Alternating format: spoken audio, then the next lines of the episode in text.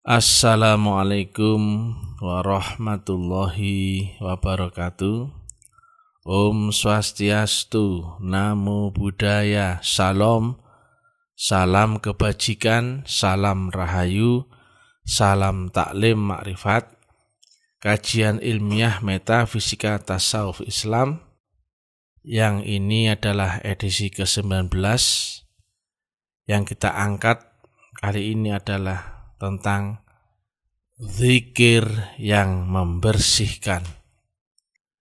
Sebagaimana disampaikan oleh Nabi, bahwasanya segala sesuatu itu ada obat pembersihnya, dan obat pembersih hati atau kolbu adalah zikrullah. Tetapi pada kenyataan sekarang di zaman ini, di akhir zaman banyak praktek zikir itu malah sebaliknya. Bukan membersihkan tapi malah nyampah.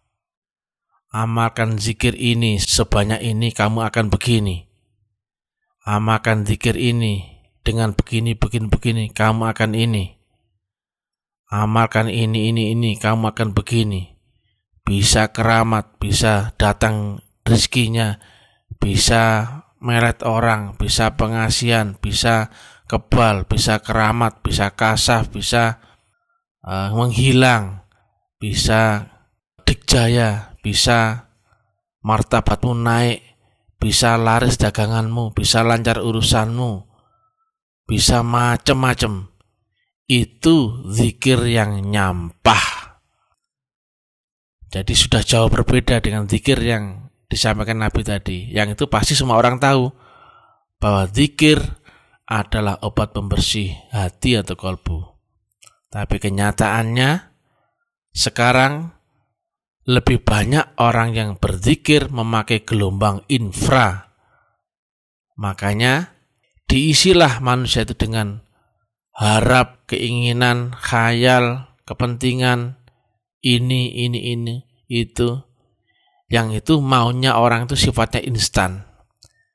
Tidak kenal Allah, tidak belajar mengenal Allah, tapi maunya untuk kaya, kebal, laris, lancar, derajat, kemudian sakti, bisa ngobati orang, bisa nerawang, bisa terbang, bisa ini, bisa ini, bisa ini. Itu jelas dikir yang menjauhi Allah Ta'ala itu turun gelombang. Makanya jangan kaget ada praktek pesugihan, oh instan, ngepet instan, oh kaya, oh bisa kaya itu. Melet pun demikian, aji pelet, semar mesem, jaran goyang dan sebagainya. Itu bisa memengaruhi orang itu. Karena apa? Lewat gelombang jin. Oh bisa. Pengelaris pun demikian daganganmu bisa laris itu. Karena apa? Ada campur tangan jin situ.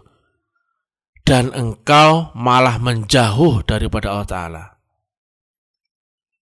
Dan semakin engkau ketergantungan, maka engkau setelah matimu pasti turun gelombang di dimensi orang yang membantumu itu.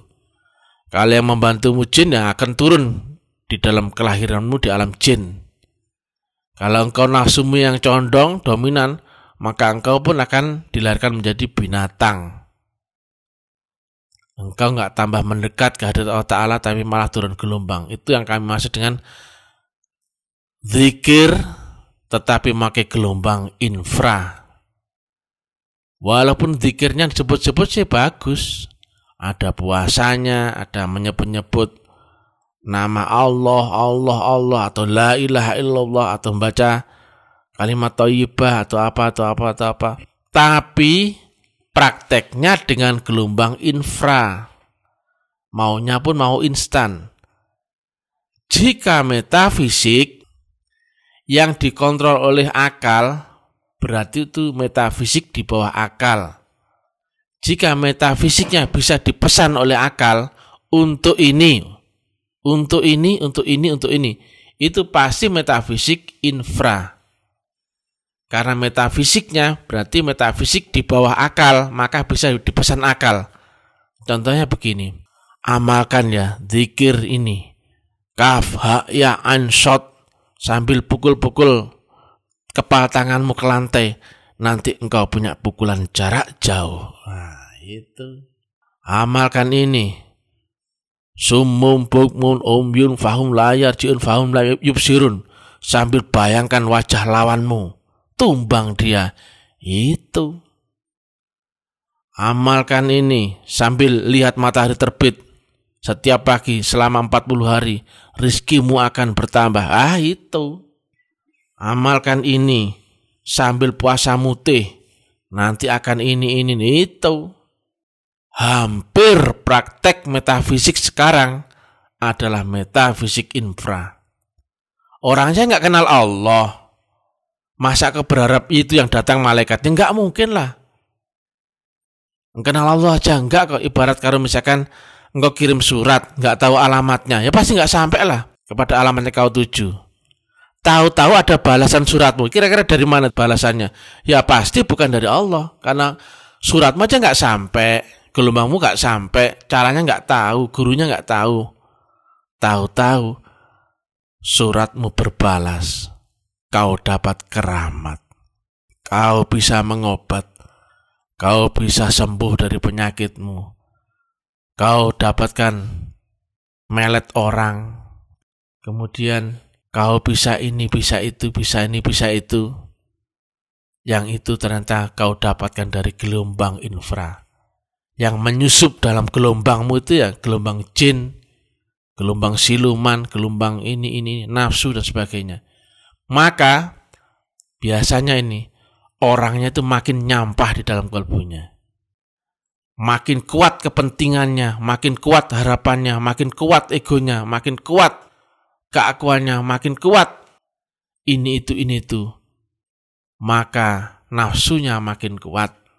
Padahal mestinya zikir yang tadi kata Nabi, zikir yang membersihkan atau tazkiyatun nafs mestinya membombardir hijab yang membungkus kolbumu sehingga bersih sehingga engkau kembali bisa mengenal Allah.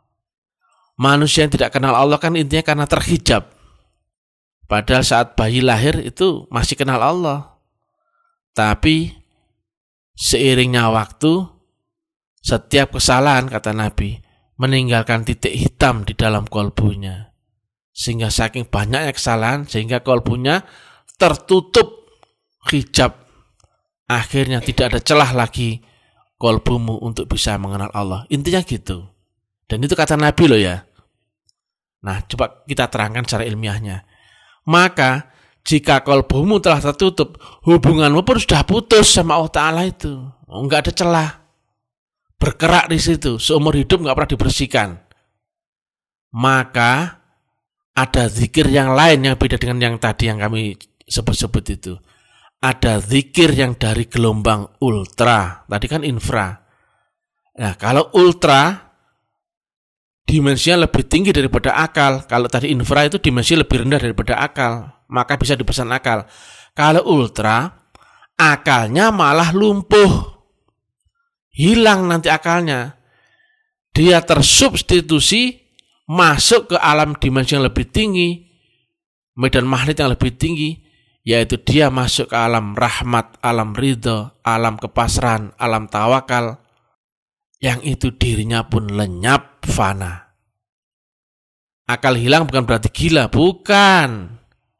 Tapi akal yang hilang itu tergantikan dengan dimensi kesadaran yang lain, yaitu roh. Naiknya akal ke dimensi di atasnya akal berarti dia masuk ke dimensi kesadaran yang lain, yaitu roh hilang akal itu bukan berarti hilang kayak orang gila gitu, bukan. Dia tetap seolah-olah bisa berpikir, seolah-olah bisa mengontrol panca indera, tapi pusat kontrolnya bukan lagi di otak, tapi di hati sanubari. Ini kontrolnya roh, pintu gerbangnya roh. Nah, kalau akal itu di sini kontrolnya sudah beda. Maka membersihkan itu termasuk dengan seluruh khayal, keinginan, angan-angan, harapan. Jika dizikirkan, maka seperti Ibarat tadi ya, hati atau kolbu yang tertutup kerak, hijab yang tidak bisa terbuka sama sekali, maka jika dibombardir, Allah brol, Allah brol gitu, Allah brol. Seperti itu. Nah kira-kira jika ada sesuatu, misalkan rumahmu selama ini kan kosong, tidak pernah kau sentuh, karena jalan ke rumahmu itu sudah buntu, nggak pernah dimasuki cahaya, kira-kira kan gambarannya rumahmu itu pasti akan jadi sarang ular. Sarang kalau jengking, ya kan? Sarangnya lipan, sarangnya macam-macam di situ, segala macam binatang melata di situ semua. Tikus, semut, kemudian apa saja yang bikin kotor-kotor itu. Kira-kira kalau mereka dibersihkan, marah nggak itu? Pasti marah semutnya pasti gigit, ularnya pun pasti gigit, segala macam. Dia berontak. Oh dia bersarang di dalam kolbumu itu seumur hidupmu. Tahu-tahu dizikirkan. Zikir yang membersihkan. Tadi kan zikir kompromi. Kalau infra zikir kompromi. Itu jembalang-jembalang jin-jin yang dalam dirimu itu diaktifkan beserta jin yang bisa di jadi guidernya. Jadi untuk bisa kasah, bisa apa, bisa apa itu tadi yang infra. Tapi kalau zikir ini zikir yang menggunakan gelombang nurun ala nur yang tekniknya disebut dengan kalimatullah yal ulya maka zikir ini membersihkan. Dibombardir itu kotoran itu kerak itu. Maka biasanya rasanya akan sakit. Nah kalau yang zikir yang tadi awal tadi yang zikir infra orang biasanya tahu ada teknik ngorogo sukmo dan sebagainya. Tapi kalau zikir ultra, zikir yang di atas alam dunia, di atas alam sadar, itu nanti zikir yang nanti ke arahnya menuju arah gelombang murakabah. Nanti ujungnya nanti menjadi takwa. Takwa itu makna syariat kan biasanya dikenalkan orang itu kan mengerjakan perintahnya menjauhi larangannya. Bukan itu. Takwa itu kondisinya telah beserta dengan Allah. Jadi beserta dengan Allah pasti kenal Allah kan gitu. Maka dia telah beserta dengan Allah. Stasionernya manusia biasa tapi dalamnya telah beserta dengan gelombang Allah Ta'ala. Itu takwa. Isinya, dimensinya, alamnya, gelombangnya, frekuensinya telah beserta dengan Allah. Itu takwa. Zikir yang membersihkan ibarat kain kalau dibersihkan, nah tahulah sendiri. Kain itu direndam air dicampur rinso misalkan. Panas gak itu? Panas. Kemudian diucek ucek ucek ucek ucek ucek ucek ucek ucek ucek ucek berkali-kali berkali-kali dibuanglah nodanya itu. Kemudian diperes pula. Oh sakit itu diulang lagi, ucek lagi, ucek lagi, ucek lagi, peras lagi, ucek lagi, ucek lagi, lagi peras sekali, peras lagi direndam, direndam-rendam sama air, berkali-kali. Belum bilang nodanya, diulang lagi, belum hilang nodanya, diulang lagi, terus, terus, terus, terus. Karena nggak bisa hilang-hilang, pakailah Baiklin, lebih panas lagi. Dibilas lagi sama sabun, dibilas lagi sama pengharum. Baru kemudian diperas, belum selesai, dijemur, dipanaskan. Belum selesai lagi, terakhirnya disetrika. Loh. Itu proses pembersihan. Jadi zikir itu rasanya sakit. Nah, kalau zikir yang membersihkan ya, dibersihkan tuh pasti sakit. Beda kalau zikir yang tadi, zikir pesanan. Amalkan ini, kamu akan ini. Kamu amalkan itu, kamu akan itu itu zikir pesanan akal. Nah, kalau zikir pembersihan rasanya sakit, akalmu akan melemah, nafsumu akan lemah. Maka lambat laun lambat laun engkau akan fana, hilang dirimu. Maka zikir yang ultra ini beda dengan zikir yang infra tadi. Zikir ultra itu memakai gelombang kesadaran di atas alam akal. Pelan-pelan ya di atas alam akal. Maka akalnya tidak dipakai. akalnya dilumpuhkan. Termasuk seluruh panca inderanya dilumpuhkan. Teknisnya bagaimana? Ini kita kasih secara ilmiah ya.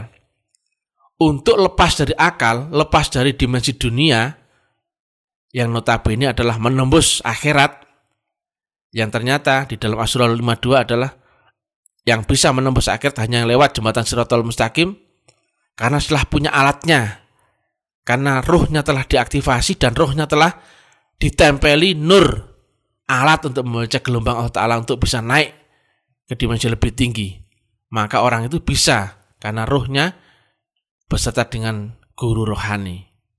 Nah kembali lagi, praktek zikir rohani maka mesti mematikan akalmu.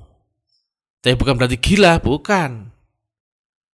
Mematikan seluruh panca indramu matamu dipejamkan, lidahmu diteguk ke langit-langit, tundukkan kepala dan sebagainya dan sebagainya. Pusatkan panca indramu dan sebagainya itu di titik-titik-titik. Yang itu beda dengan tempatnya akal. Yang itu adalah kita bergeser dari yang sebelumnya kamu yang ada di dimensi akal, yang akal itu ternyata identik dengan dunia, batas dunia pun tetap batasnya akal. Maka untuk masuk dimensi ruh, kita bergeser dengan memusatkan seluruh panca indera, seluruh konsentrasi kesadaran di tempat titik-titik-titik-titik. Itu makanya zikir membersihkan beda. Karena nanti kita akan ketarik ke dimensi yang lebih tinggi, otomatis akalmu pun lambat laun mele, melenyap harapanmu hilang, angan-anganmu hilang, kepentinganmu hilang, egomu hilang, nafsumu hilang, tunduk. Nah, seperti itu. Sedangkan tadi yang infra tadi makin kuat dong, karena punya keinginan yang dipupuk. Bah, aku mau sakti mbah. Yo nak, Renio. Amal lo iki, ambek mute, ambek pati geni, ngututupan patang bulu dino Nggo telasan nok ngene-ngene iki, ngombe ngene-ngene iki, nggo kuwi sakti nak. Yang masuk apa? Gerandong, gendrowo, pocong, iki, iki, iki banyak gitu. Walaupun yang dibaca pun Quran, ngambilnya ayat Quran di raja-raja, pakai minyak asma, pakai ini itu ini itu, karomah hadirkan ini ini ini, bisa sakti, bisa ini bisa itu, hikmah, bisa keramat, bisa ini bisa ini bisa ini kasah bisa lihat ini ini ini. Mana ada manusia keramat? Enggak ada dong. Kalau ada manusia keramat berarti pasti ada unsur lain yang masuk dalam dirinya. Nah, keramatnya nabi-nabi dan rasul itu bukan orangnya keramat, bukan. Orang yang telah masuk ke dimensi ultra, maka tadi itu akalnya lenyap, kepentingannya lenyap. Mereka hanya andalannya hanyalah apa? La haula la quwata illa billah. Dia pun tidak berdaya upaya. Dia nol, zero. Tapi menggandeng yang maha mutlak, yang maha akbar, yang maha tak terhingga. Atau menggandeng Allah Ta'ala. Nah teknik menggandeng Allah Ta'ala hanya dengan zero. Nah kalau dirimu belum zero, bukan Allah yang hadir, tapi genderuwo, jin, siluman, mambang, dan sebagainya itu yang masuk itu. Karena lihat di matematikanya, X per tak terhingga, maka hasilnya sama dengan 0. Jika 0 diganti 1, maka menjadi X per X. Jika 0 diganti 2, maka menjadi X per setengah X. Jika 0 diganti setengah, maka X per 2X. Hadirnya konstanta mutlak hanya saat engkau 0. Tapi nggak sembarangan mengenalkan diri. Mengenalkan diri hanya yang telah ketemu dengan guru mutlak. Maka berlaku jika engkau mengenalkan diri, maka hadir yang mutlak.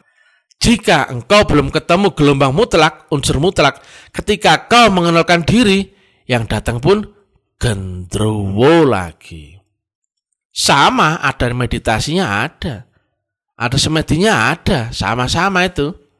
Tapi bedanya jika engkau tidak bertemu dengan guru mutlak, gelombang mutlak, maka saat mengenalkan diri, nah sama seperti Rumah kosong nggak ada pemiliknya. Orang bebas masuk ke sana kemari kan gitu. Tapi engkau masuk ketika ketemu rumah yang di dalamnya adalah mahmutlak maha tak terhingga, engkau harus lenyap dulu. Karena hadirnya mutlak hanya saat dirimu nol. Barulah mutlak hadir dalam dirimu. Barulah engkau bisa beserta dengan Allah Ta'ala. Lah kalau belum ketemu gelombang dengan gelombang mutlak tahu-tahu mengenalkan diri, wah, gendruwo lagi yang masuk. Bedanya itu saja. Makanya carilah wasilah. Wasilah itu gelombang mutlak, gelombang Allah Ta'ala. Wa betahu ilahil wasilah wajah itu bisa pilih tulikun. Nah kembali lagi, zikir yang membersihkan artinya zikir yang menarik dimensimu naik ke dimensi lebih tinggi, lebih tinggi, lebih tinggi, lebih tinggi lagi.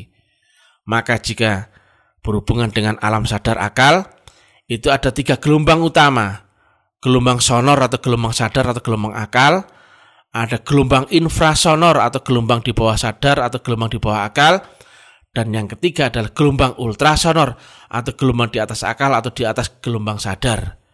Yang untuk menuju Allah itu harusnya yang naik tadi, yang ultra. Yang itu sudah di atas akal, maka bukan lagi pakai akal. Pelan-pelan ya. Gelombang di atas akal yang tidak terbaca akal itu sudah jangan pakai akal atau tidak bisa pakai akal. Itu pakai dimensi roh. Karena rohmu telah dibangkitkan, telah diaktifasi, dan rohmu telah ditempeli nur atau faktor mutlak atau faktor Tuhan atau nur Allah. Sehingga rohmu ketika dibimbing oleh guru rohanimu, diajak naik ke dimensi lebih tinggi, itu engkau mampu karena punya alatnya Walaupun engkau masih di stasioner awal jasmani adalah sinyalmu 3G. Diajak naik rohanimu ke dimensi 4G. Bisa. Karena telah terupgrade. Diajak naik ke dimensi 5G. Bisa. Karena telah terupgrade. Diajak naik ke dimensi 5G, 6G, 7G, 8G, 9G. Bisa. Karena di dimensi rohmu yang telah diaktifkan telah ditempeli unsur limit tak terhingga. Maka dijak ke mana pun oleh guru rohanimu ketika telah siap dan disiapkan, engkau pun mampu. Maka itulah yang disebut dengan mi'raj. Mi'raj itu masih naik gelombang, bukan ceritanya. Jadi naik gelombang dari dimensi dunia, naik ke dimensi alam kubur, naik ke dimensi alam barzah, dan sebagainya. Sampai ke dimensi alam robbani atau alam metafisik paling tinggi yaitu alam ketuhanan yang kata Nabi Isa disebut kerajaan Allah kalau Nabi sebut ars jangan percaya orang yang punya keyakinan Allah itu kan ada di mana-mana. Iya benar ngapain Allah dicari? Oh Allah itu tidak menempati ruang dan waktu dan sebagainya sebagainya. Tapi mereka nggak pernah bisa ketemu. Ya sama aja dong. Tapi mereka nggak bisa membuktikan. Nah, itu cerita dong. Logikanya, Allah tetap di alam mutlak yang tak terhingga, di akhirat yang maha rahasia yang tertinggi, yang sampai ke seluruh dimensi adalah gelombangnya. Karena logikanya, jika Allah ada di dunia ini, maka seluruh dunia ini akan lembut, hancur, luluh, karena relatif tidak akan pernah bisa berhampiran dengan mutlak. X tak terhingga maka nol hasilnya. Maka tidak ada satupun makhluk nanti akan bisa berhampiran dengan Allah. Kecuali yang bisa berhampiran dengan Allah adalah nurnya sendiri. Tidak ada yang bisa sampai ke hadirat Allah Ta'ala. Tidak ada. Biar Nabi, biar Rasul sekalipun tidak bisa. Kecuali yang beserta dengan nurun ala nur. Karena yang sampai kepada Allah adalah nurnya sendiri. Maka siapa pun itu orangnya, biar Nabi, biar Rasul, biar wali, biar ulama, biar para aulia, mesti beserta dengan nurnya, adaptasi dengan nurnya, membaur dengan nurnya, berubah menjadi nurnya, maka yang telah berubah menjadi nurnya, nurnya lah yang sampai kepada Allah Ta'ala. Itu mutlak. Jangan bayangkan manusia yang badan kasarmu itu yang sampai kepada Allah. Nggak mungkin. Ruh pun berlapis-lapis. Yang kata Nabi di atas dunia ada tujuh lapis langit.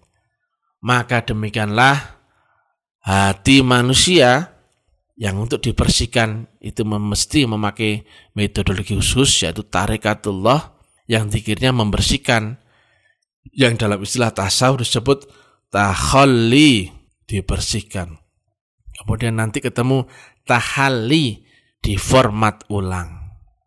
Kemudian ketemu tajalli dipakai. Artinya digunakan oleh Allah untuk misinya Allah. Itu saja seperti flash disk gitu loh. Flash disk pertama akan dibersihkan dulu, kemudian diformat ulang, kemudian diisi oleh aplikasi. Gitu saja. Engkau pun begitu, karena kotornya sudah parah, engkau pun akan dibersihkan dulu dari kotorannya itu. Kemudian diisilah gelombang nur, nur, nur, nur, nur, nur sampai akan wujud menjadi alam kenyataan yang terang benderang. Qurannya hidup, Quran itu nanti akan menjadi tiga fungsi utama yaitu menjadi hudalinas, petunjuk pada manusia. Wal furqon, pembeda antara hak dan batal, yang benar dan salah. Yang itu bukan lagi manusia yang membenarkan atau menyalahkan, tapi dari Allah sendiri. Ini benar, ini salah, ini tidak baik, ini palsu, ini dusta, ini semua dari Allah Ta'ala sendiri yang memberikan pengetahuan kepada manusianya. Yang ketiga adalah penerang dan menjelas. Hidupmu akan terang benderang. Karena ibarat engkau yang sebelumnya gelap gulita, ketika ketemu cahaya matahari, engkau akan diteranginya. Maka langkahmu pasti, hidupmu pasti, arahmu pasti, tujuanmu pasti. Tidak gelambiar, tidak mengandalkan angan-angan, tidak mengandalkan kepercayaanmu yang tidak pernah dibuktikan, tidak berdasar keyakinanmu yang tidak pernah bisa kau buktikan konkret.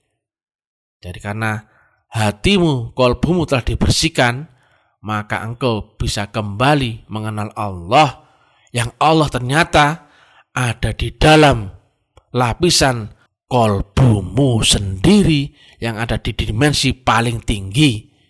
Yang di balik dirimu, di balik kolbumu adalah roh, sedangkan Allah adalah sang maha roh, maka rohmu bisa naik pada puncak tertinggi roh itu sendiri, yang ternyata puncaknya roh adalah maha roh, ternyata adalah Allah sendiri. Ternyata lapisan langit dimensional itu ada di dalam dirimu sendiri. Mi'raj itu ternyata di dalam dirimu sendiri. Rahasia itu ada di dalam dirimu sendiri. Allah itu pun ada di dalam dirimu sendiri. Kau tidak akan pernah bisa mencari Allah di luar dirimu makrokosmos. Engkau hanya bisa mencari Allah ketika telah mengetuk pintu hatimu. Tapi engkau tidak akan pernah bisa mengetuk pintu hatimu yang tertutup kecuali temukan dulu seorang guru mursyid yang bisa membukakan hijab akan dirimu karena dia adalah khalifah Allah dan Rasul yang sesungguhnya yang membukakan hijabmu adalah Allah Ta'ala sendiri melalui syafaat daripada guru rohani. Maka perjalananmu selanjutnya adalah menyingkap rahasia dirimu sendiri. Man arafa nafsah fakot arafa robbah yang mengenal dirinya, dia akan mengenal Allah Tuhannya. Maka dia akan ketemu alam mikrokosmos, alam di dalam dirinya, semesta raya telah ada di dalam dirinya. Dia tidak lagi terpengaruh dengan apa yang kau lihat, kau dengar, kau cium, raba, dan rasakan. Dia menjaga kiblat di dalam kolbunya. Bermula kolbu seorang mukmin itu baitullah. Kemudian di mana kau memandang di situlah wajah Allah. Fa'aina matuwalu fasama wajhullah. Kemudian wahwa ma'akum aina makuntum. Di mana kau berada, di situlah pula Allah berada.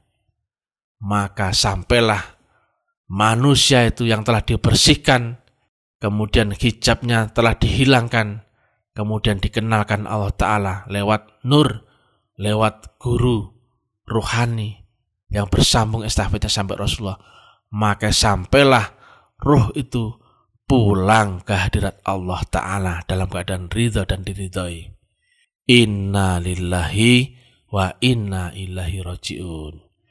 Jadi hanya tentang ilahi anta maksudi wa ridho kamar lebih. Ya Allah, hanya engkau yang aku cari ya Allah dan ridhamu lah yang aku tuju.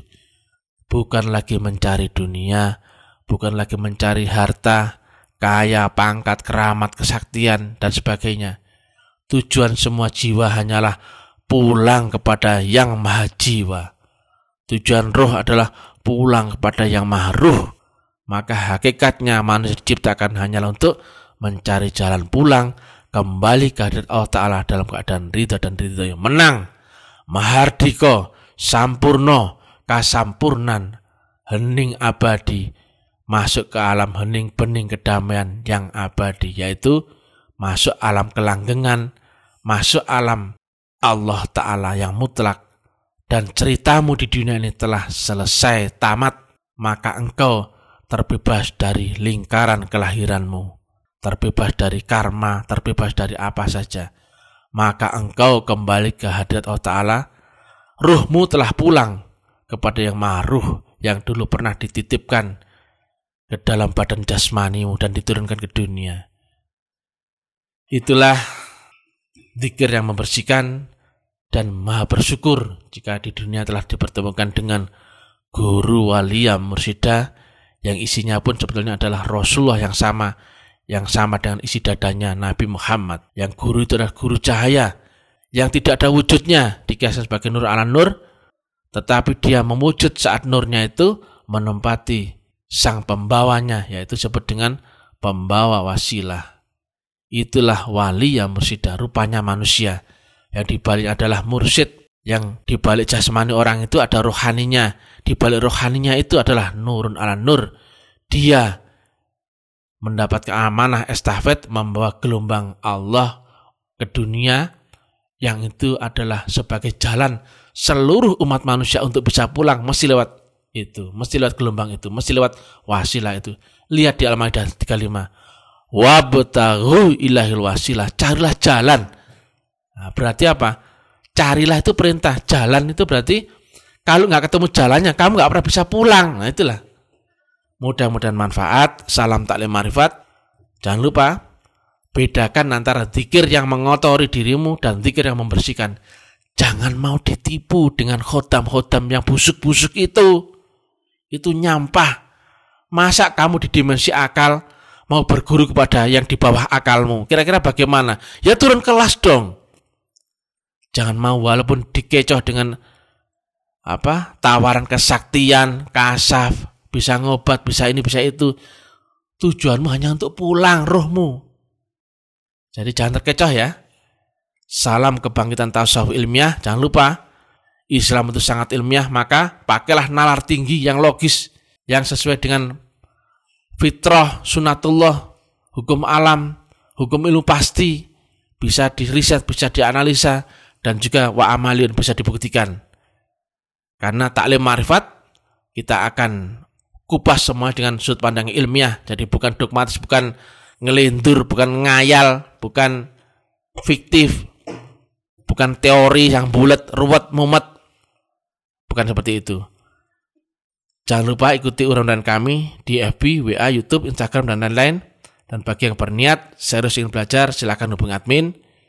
Bantulah share uraian uraian taklim makrifat ke mana-mana agar banyak saudara lain ikut tercerahkan. Ini akhir zaman. Sangat sulit engkau menemukan informasi tentang guru rohani, guru yang menjadi estafet khalifahnya Allah dan Rasul di zaman sendiri. Engkau akan sulit menemukan orang yang menceritakan agama yang benar, yang hak, yang turun dari sisi Allah Ta'ala. Kita akan makin ketemu banyak orang yang menceritakan agama tapi iman nggak sampai kerongkongan, cuman di mulut, cuman cerita, cuman lip sync. Maka kami cukupkan ilahi anta maksudi waridhoka madrubi wassalamualaikum warahmatullahi wabarakatuh. Salam rahayu salam rahayu salam persaudaraan untuk seluruh agama seluruh golongan seluruh aliran karena Islam adalah rahmatan lil alamin, rahmat buat semuanya, rahmat buat semesta, bukan hanya kepada golongan atau aliran tertentu. Assalamualaikum.